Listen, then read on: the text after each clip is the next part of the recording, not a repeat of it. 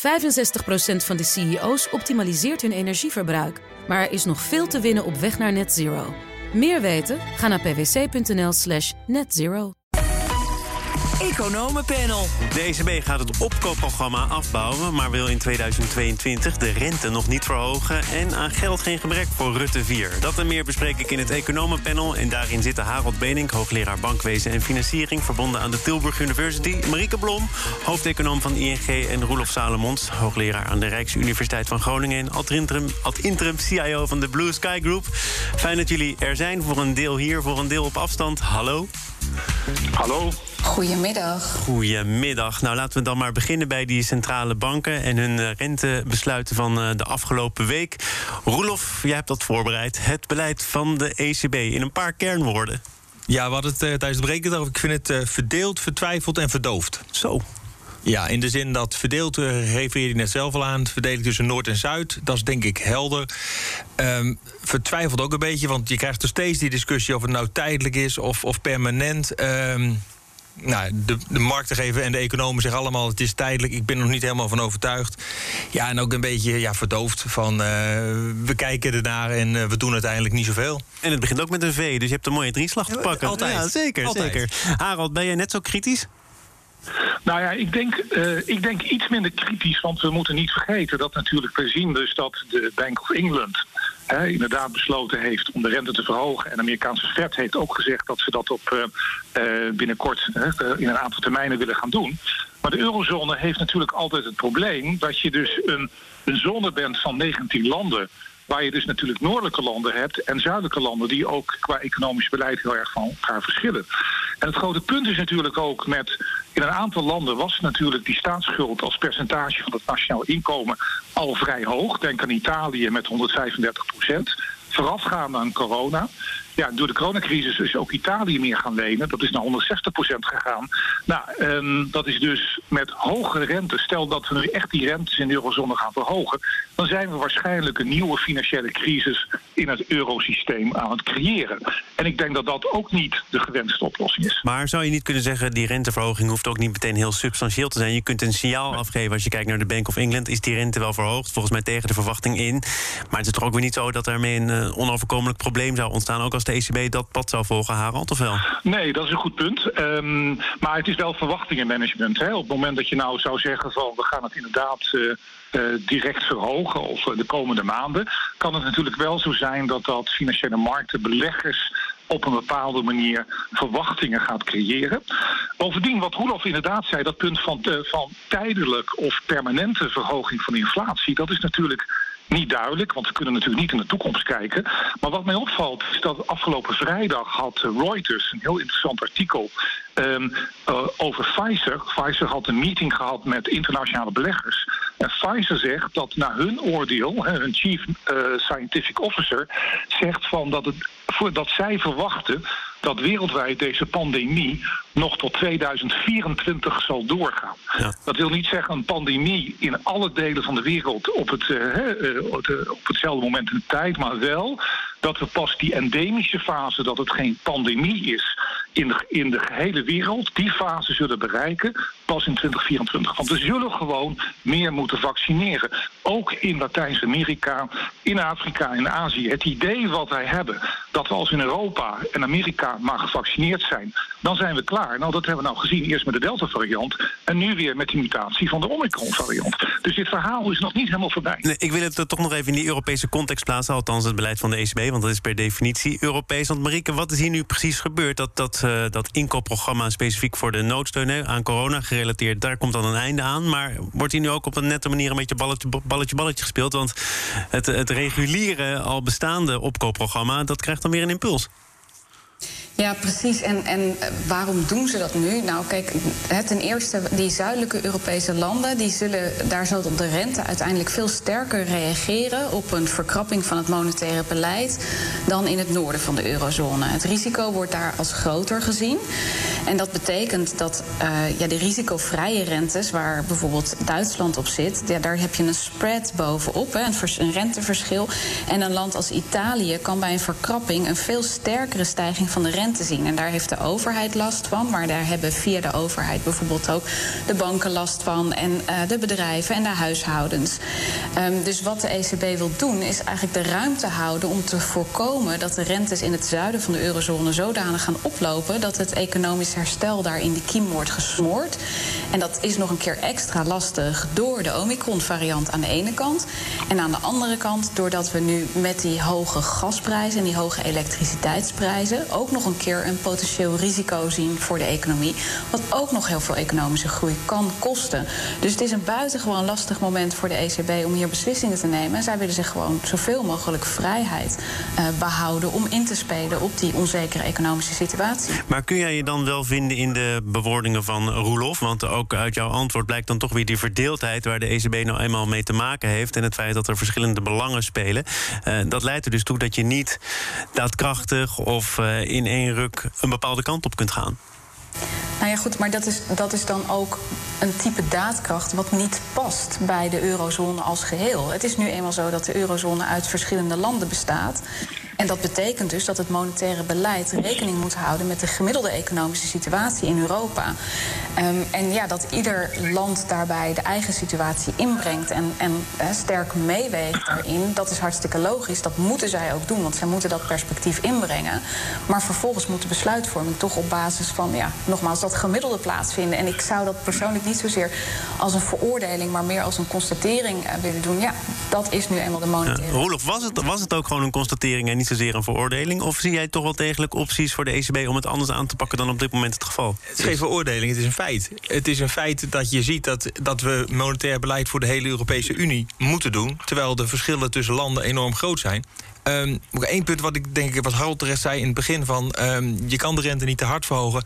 Maar ja, met alle respect, we hebben een reële rente die voor de hele Europese Unie als geheel gewoon zwaar negatief is.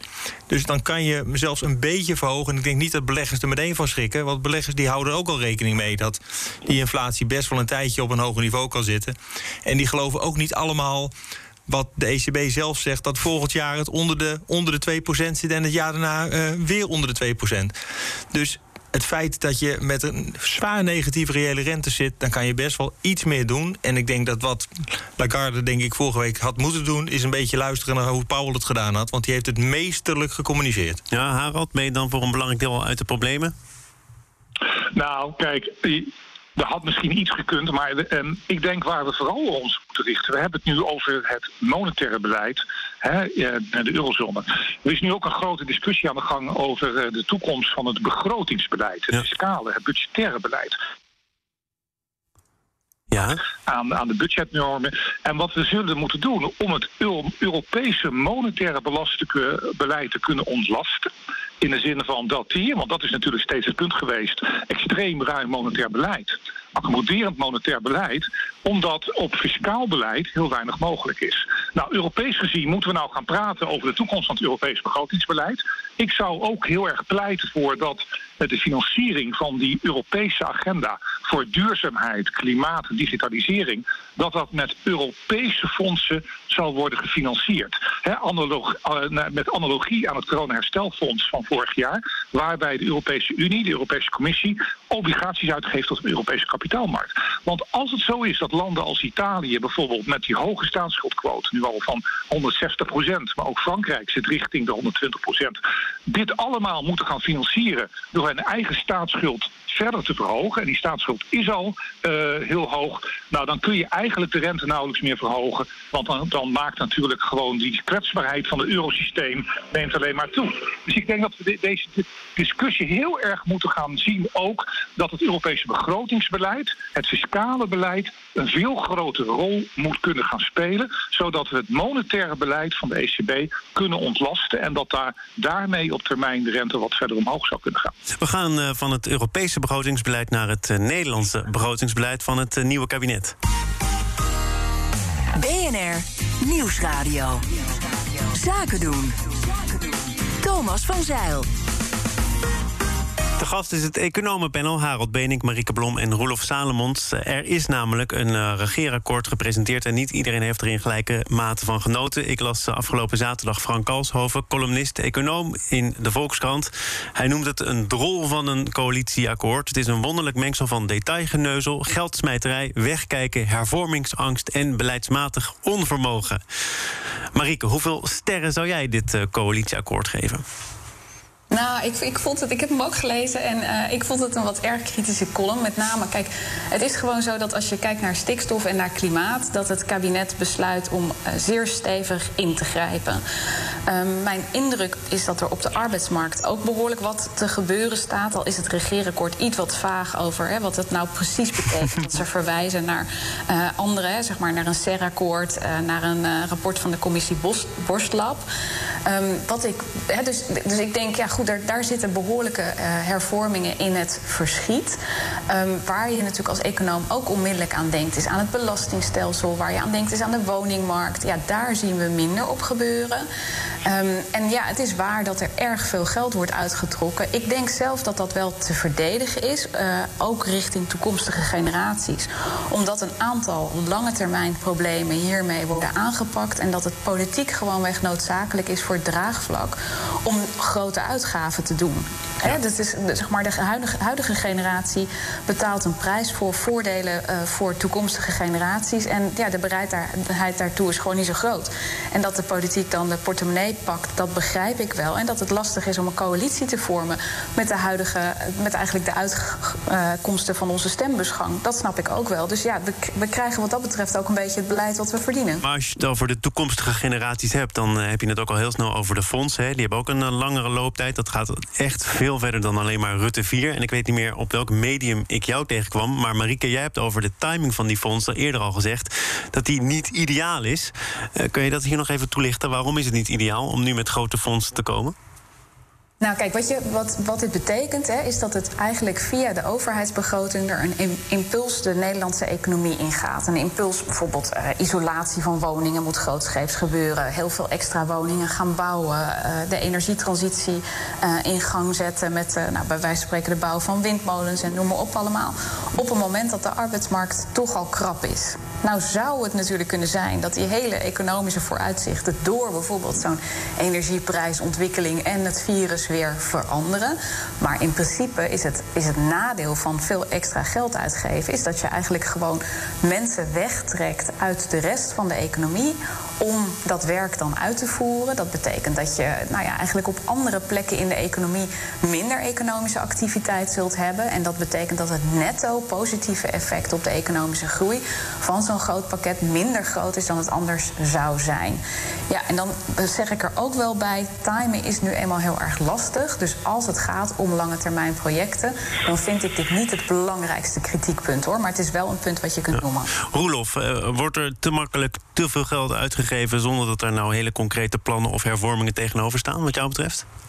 Ja, ik vind, ik vind dat wel. Ik eh, ben trouwens jaloers op de columnist die dit zo scherp weet, uh, weet, weet te formuleren. Dat, uh, daar kan ik wat van leren. Ja, denk kwam toch ook net een heel, ja, heel dicht in de buurt met jouw drie nee, V's. Kijk, het, het, punt is denk ik, um, wat Marieke terecht zegt... op de lange termijn zitten hier een aantal dingen in die goed zijn voor toekomstige generaties. Dat is denk ik helder. Uh, stikstofprobleem, klimaatprobleem is goed. Had je denk ik ook iets met een CO2-belasting iets doelmatiger kunnen oplossen. Uh, maar goed, de, richting is heel helder. Aan de andere kant ben ik het volledig met Marieke eens. Op dit moment stimuleren is niet het beste moment. Je zit al met een oververhitte economie die je nog een extra stimulans gaat geven. En mensen dus wegtrekken uit, uit andere uh, stukken. Maar ik mis ook wel het stuk um, belastinghervorming uh, woningmarkt en, en inderdaad ook de stukken op de hervorming op de, op de arbeidsmarkt. Waar nog wel hoe, hoe kan het dat zo'n belangrijk thema als de woningmarkt, hè, waarvan Cenk Willink volgens mij al zei, als we een regeerakkoord maken van vijf kantjes, dan is de woningmarkt pagina 1. Hoe kan het dat daar toch weinig concrete plannen voor op papier nou ja, terechtgekomen zijn? Kijk, als je gaat hervormen, dan gaat het over pijn uh, en dan ga je dus dingen veranderen. Terwijl het nu, met de, waar we het net over hadden, geld is gratis. Ja, hoe lang nog? Want je ziet er eigenlijk toch een beweging naar ja. geld dat wat minder gratis wordt. Terwijl Mark Rutte en zijn ploeg zo meteen heel veel meer geld nodig hebben. Nee, maar wat ik net ook al zei, geld is nog steeds gratis, want reële rentes zijn nog steeds zwaar negatief. Ja. Dus uiteindelijk is er geen enkel project wat je nu op dit moment niet zou kunnen. Uh, presenteren als, als, als een NPV positief om er in economische termen te blijven. Dus dat, dat is makkelijk. Heel en, kort. dan, dan, ja, dan is dat veel simpeler om te doen. Marieke? Nou ja, kijk, ik denk heel kort eventjes het CO2-belasting, heel even teruggrijpend hoor. Want uh, in het Europese ETS-systeem gaat er natuurlijk wel degelijk een heffing komen, ja. ook op meer sectoren. Hè. Dus die CO2-heffing zit er wel degelijk in. Um, wat betreft de woningmarkt, kijk, ik denk dat wat, wat wij als economen, economen zeggen eigenlijk allemaal hervorm die woningmarkt nou maar. Want er gaat veel te veel subsidie naartoe. Hè. Eigenlijk maken we wonen in Nederland veel te goedkoop. En wat we denk ik niet goed uitleggen daarbij, is dat we allemaal veel meer inkomsten inkomstenbelasting betalen. Dus dat je die woningmarkt wilt hervormen, ook om te zorgen dat we met z'n allen op ons loonstrookje veel minder belasting gaan betalen. En als we het gesprek hebben over de woningmarkt met elkaar, dan zitten we eigenlijk steeds maar over die hypotheekrenteaftrek. Terwijl we eigenlijk als economen denk ik duidelijker moeten zeggen van jongens, we betalen allemaal veel te veel belasting op onze inkomsten, op onze loonstrook. Als we dat nou eens gaan veranderen, dan krijg je eigenlijk ook een arbeidsmarkt die daardoor beter functioneert. Maar het lukt ons niet om dat verhaal, de grote voordelen die er per saldo zijn voor de verandering van dat stelsel, om die goed uh, zichtbaar te maken voor mensen. Ik, ik, sorry, ik wil Harold ook nog even hoorbaar maken voor de mensen. Want volgens mij ben je er nog, Harold, toch? Ja, ik heb steeds een probleem met verbinding. Dus nu hoor ik, nu hoor ik Heel goed, ik ben benieuwd naar wat jij ja. vindt van dit uh, regeerakkoord. Je eerste indruk? Nou ja, ik denk die, hè, wat al besproken werd, die klimaat- en stikstofagenda met die investeringen lijkt me heel positief. Um, ik denk ook dan, zou ik zeggen, op lange termijn financieren. Dus als je dan hiervoor obligaties uitgeeft, doe het dan direct voor 20, 30 jaar. Hè, profiteer van de huidige uh, lage rente. Maar het gaat me ook even om de Europese paragraaf. Hè. Dit kabinet wil pro-Europese worden. En ik denk dat we ook moeten uitstralen, dus die klimaatagenda in Nederland moet Uh, dit gaan worden. Maar juist pro-Europees. Want het punt wat ik straks maakte... heel veel landen in Zuid-Europa kunnen dat niet doen. En het is natuurlijk met die duurzaamheid... het gaat er niet om dat wij in Nederland investeringen doen. Natuurlijk is dat van belang. Maar het moet natuurlijk in heel Europa, Europa zijn. Dus het is een pan-Europees belang... om nu te gaan uitstralen dat ook die delen van die 35 miljard... waar het in Nederland uh, om gaat... dat die juist Europees zullen worden gaan gefinancierd. En dat mis ik nog eigenlijk. Ik wil ook nog even voor de fijnproevers, en dat zijn jullie allemaal als leden van het eh, panel, voor luisteraars misschien toch wel wat, uh, wat opheldering verzorgen. Want het ging de afgelopen dagen veel over bezuinigingen op de zorg en een lastenverlichting die geen bezuinigingen zijn of geen lastenverlichting was. Roelof begint wel moeilijk te kijken. Ik heb al spijt dat ik heb aangesneden. Ik vind deze vraag voor Marieke. Waarom niet voor jezelf? Als je over, als je over uh, basispaden gaat beginnen, ja, dan, precies, ik, Roelof. Dan, dan, wordt het heel gezellig. Oké, okay, nou Marieke, probeer de sfeer er maar weer in te krijgen dan. Is dit nou een, nou, een bezuiniging op de zorg of niet? Nee. Nou, kijk, als je, als je niets zou doen, als de overheid niets doet, dan wordt er steeds meer geld uitgegeven aan de zorg. En dat komt voor een deel omdat de leeftijd van de gemiddelde van de bevolking verandert. En voor een deel omdat er steeds meer technologische mogelijkheden zijn. En nu werkt het zo in al die sommen die voor de toekomst worden gemaakt. Daarbij wordt verondersteld dat die nieuwe technologische mogelijkheden ook leiden tot extra behandelingen. En eigenlijk zit daar niet zo heel veel democratische controle op. Dus als zeg maar even de aanbieders, de zorgverleners zeggen: dit is een goede behandeling, dit levert wat op, dan wordt die de facto uitgevoerd. En wat het kabinet lijkt te zeggen is: van nou, daar willen wij toch iets strikter op meekijken.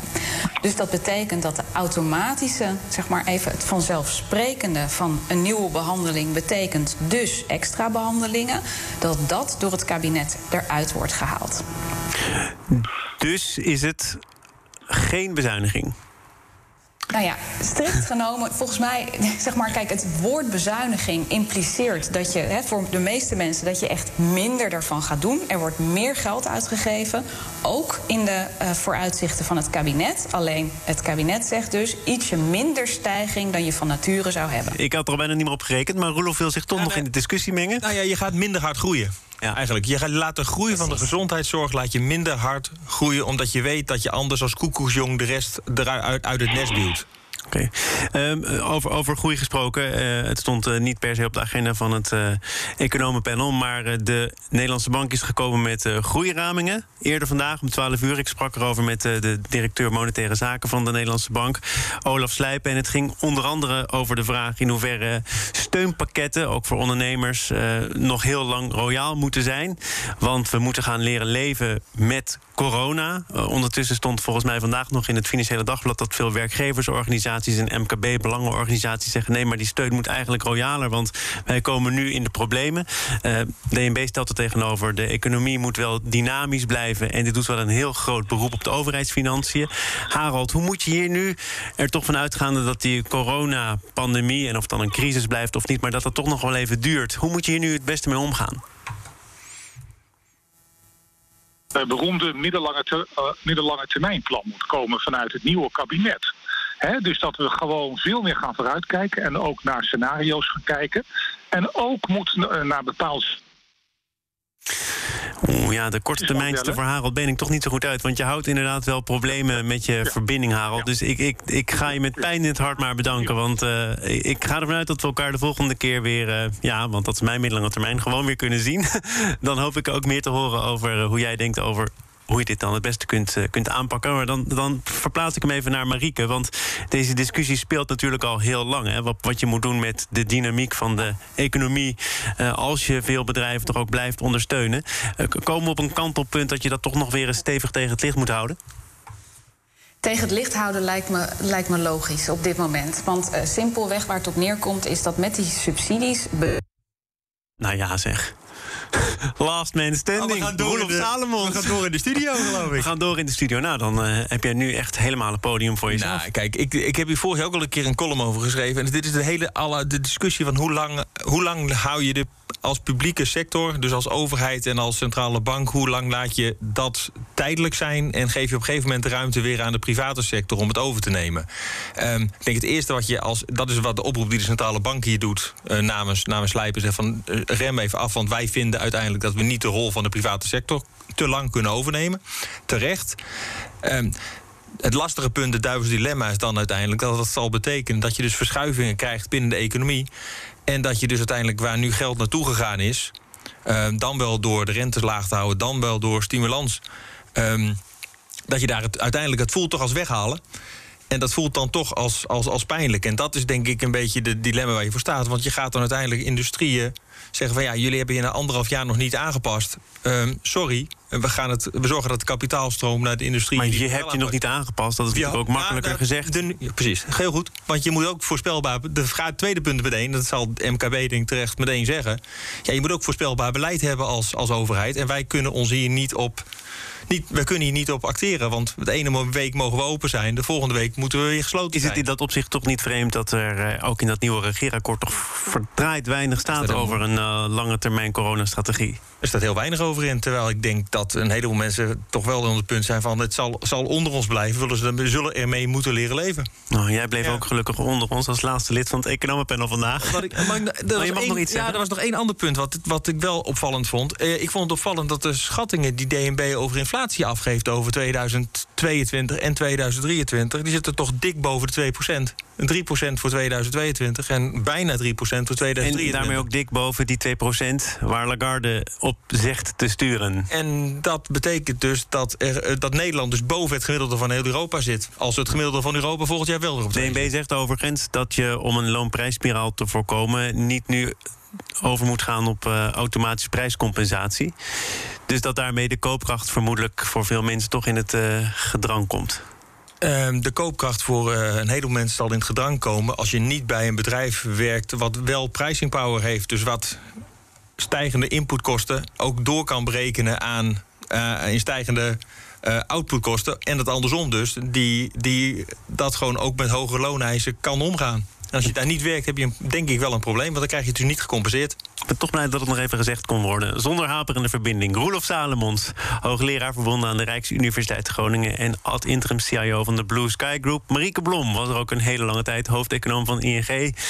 En iets minder lang Harold Benink, hoogleraar bankwezen en financiering... van de Tilburg University.